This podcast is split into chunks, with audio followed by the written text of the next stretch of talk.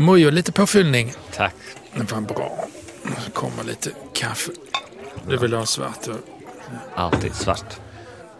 Välkomna till Mångfaldspodden. Med Aldo och Mojo. Vad tänker du på när jag säger svart galla? Egentligen så är det det här berättelsen om påven som fick på 1500-talet presentation av kaffe.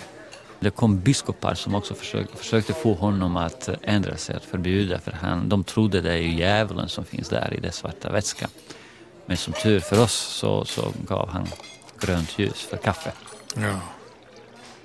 Den biologiska mångfalden, Mojo, den trivs exempelvis väldigt bra i deltalandskap. Ja. I det bräckta vattnet. I det salta och i det söta. Ja. I blandningen. Vi sitter här och kan blicka ut över Möllevångstorget. Och Möllevångstorget ligger i Malmö. Och det är ju en eh, bild kan man säga och en verklighet av eh, mångfald. Människor med olika eh, bakgrunder, kulturella, religiösa, sociala. Det är väl ett slags delta? Det är absolut. Men det, det ser jag mer som att vi har där förutsättningar för att göra något gott. Men inte att vi a priori gör något gott. Jag, brukar säga att vi alla har två, två begränsningar oavsett vilka vi är. En begränsning handlar om att våra liv är för korta och vi behöver andra för att vi ska kunna lära oss det som vi inte hinner på egen hand genom vårt korta liv. Och det är ganska trivialt. Men den andra begränsningen är mycket intressant i det här sammanhanget.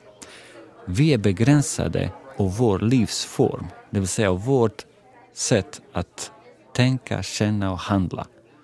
Och vi behöver annorlunda människor som har annorlunda sätt att känna, tänka och handla för att vi ska lära oss om varandras referensramar, tolkningar och perspektiv. Och det är ju det som på ett personligt plan krävs för att man ska lära sig något nytt. Uh, har du ett exempel på när mångfaldssamhället har erbjudit en tröskel för dig att kliva över? Jo, Vad har det gett för resultat?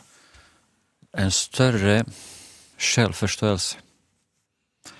För då, i och med att man möter och umgås med människor som är olika mig, när det gäller olika livsformer man möter, så är det framförallt att man blir ifrågasatt och man är tvungen att reflektera över och som Milan Kundera säger, den som inte vill eller inte kan sätta sin egen kultur in i en större kontext är en provinsialist. Det här att jag upptäcker hela tiden min egen provinsialism när jag möter människor som är olika mig. Och det handlar om något som är relativt naturligt. Om tio personer intervjuar mig så kommer de tio att komma fram till samma bild, att jag heter Mojo, att jag är född 68, väger 68 och så vidare. Men de kommer att ha också olika bilder av mig beroende på vilka de är och vilka frågor de ställer. Vissa kommer att uppmärksamma att jag har vit hudfärg, andra kommer att uppmärksamma något annat och så vidare. Så det handlar om detta möte där man blir ständigt ifrågasatt. Och jag minns när jag kom till Sverige 1993 och det första jag lärde mig var att, eh, att jag måste punktera mina fördomar som jag hade om Sverige och om svenskar. Nu betraktar jag mig också som en som är också svensk. Men på den tiden så trodde jag att eh, killar, jag var en kille då, kör bättre bilar än kvinnor. Och så, så möter jag en lärare som berättar för mig, nej mor, det här stämmer inte, utan de som på den tiden var det så, den fakta eller statistik vi hade, att 50 procent av alla trafikolyckor står killar mellan 18 och 25 för. Och så berättar jag för henne, men det här kan inte stämma. Jag har... Och så till slut så accepterar jag, så är det. Jag, jag har tänkt och gjort fel. Men problemet där med konflikter Aldo, är att jag var tvungen att erkänna att jag tänkt fel för mig själv. Sen gick jag hem och erkände för min fru, så erkände jag för alla mina vänner och då är det att man ifrågasätter sin egen självbild. Man sätter sin identitet på spel. Och det gjorde jag då, även innan, men också efter. Så man måste ha en vilja att granska sig själv och verkligen erkänna sina fel och också skapa en kultur där det är normalt att man säger sorry, jag tänkt och gjort fel, nu gör jag inte det. Jag håller med om det. Jag menar det kan vara att man behöver befria sig, komma vidare från de sammanhang som ens familj utgör eller den gemenskap man lever i. Mm. och man utvecklas och blir till kanske en mer helare människa i en annan miljö än den man själv kommer ifrån. Mm. Ja, mångfaldssamhället med sina många olika aspekter, betoningar och temperament, det har blivit som ett andningshål, måste jag säga.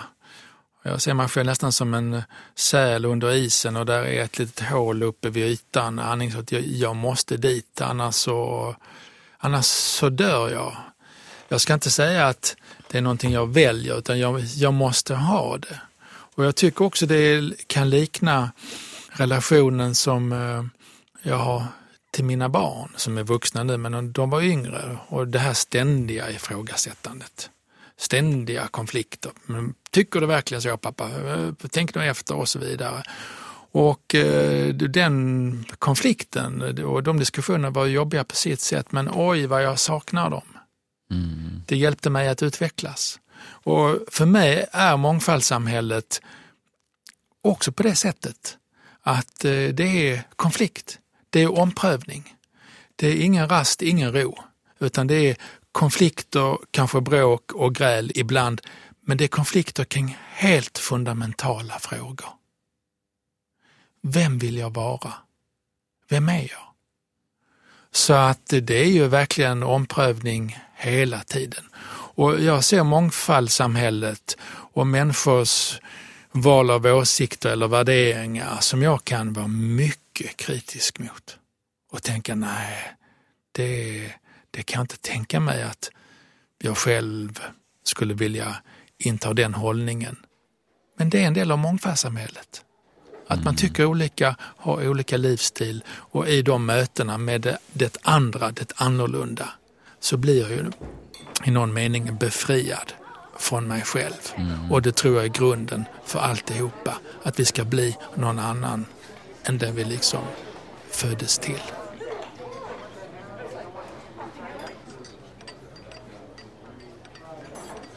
Biologisk mångfald. Den definieras som variationsrikedom inom arter, mellan arter och ekosystem.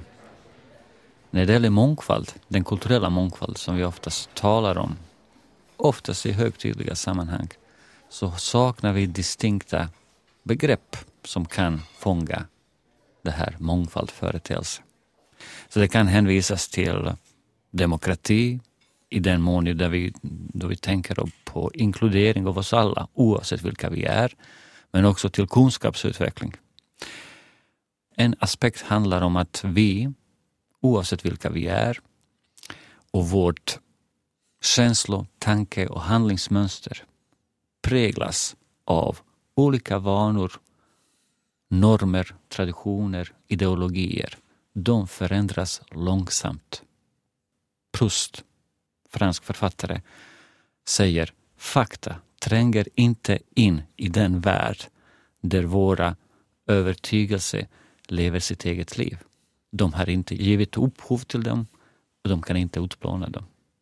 Så vi behöver människor som har andra känslor, tanke och handlingsmönster som ska då ifrågasätta våra egna.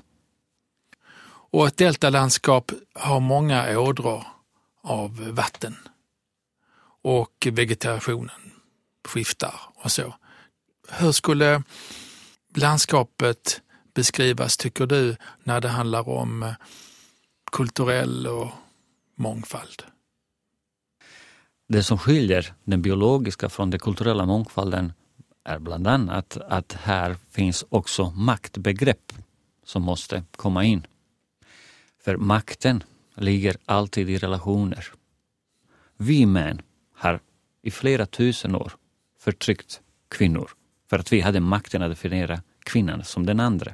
Hon skulle stå för känslor, vi skulle stå för rationalitet. Hon skulle stå för natur, hon ska stanna hemma, vi ska stå för kultur, vi ska vara utåt och så vidare. Och med det har vi förtryckt kvinnor i flera tusen år.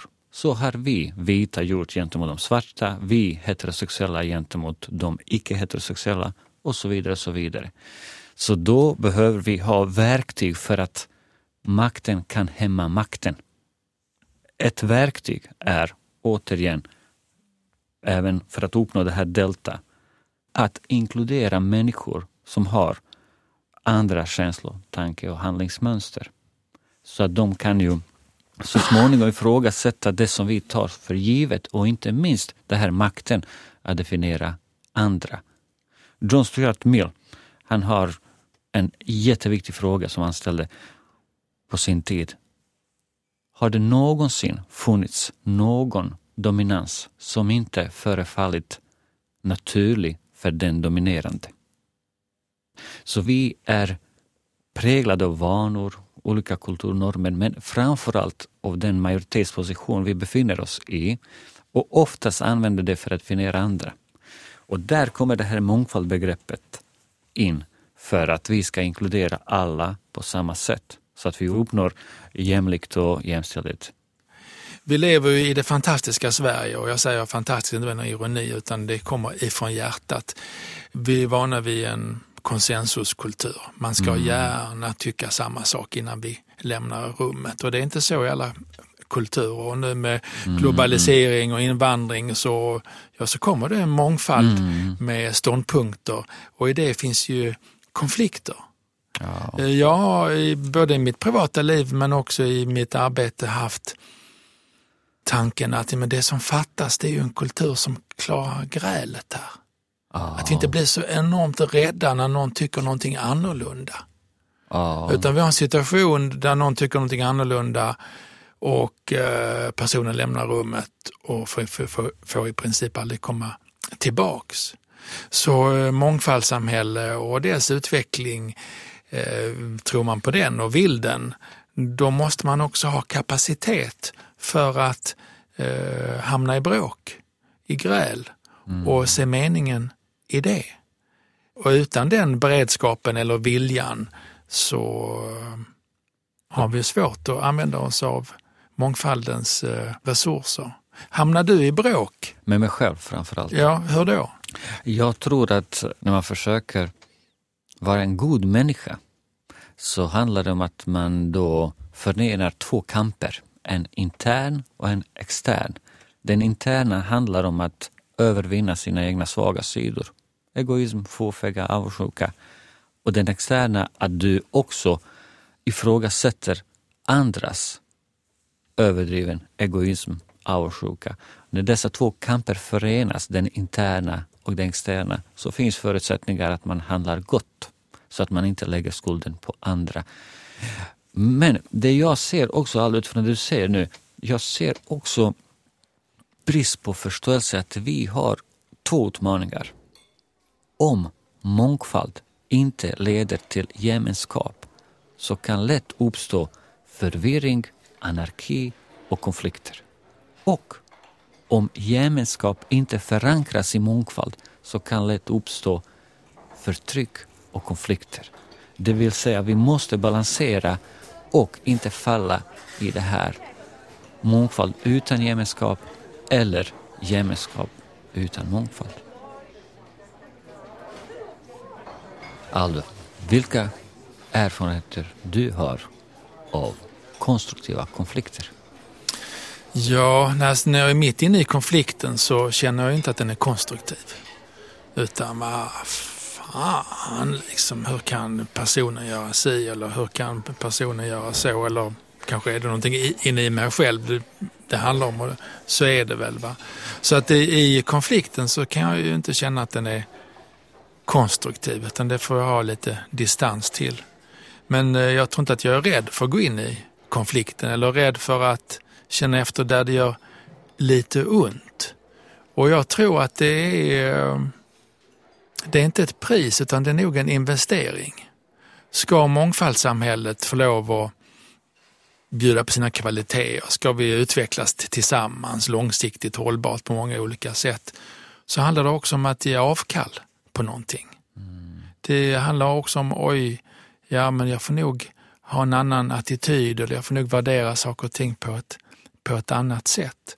Och där jag kan hamna i en slags omedelbar smärta eller vad ska jag säga, som något som har med det samhälleliga att göra och inte med mitt privatliv. Mm.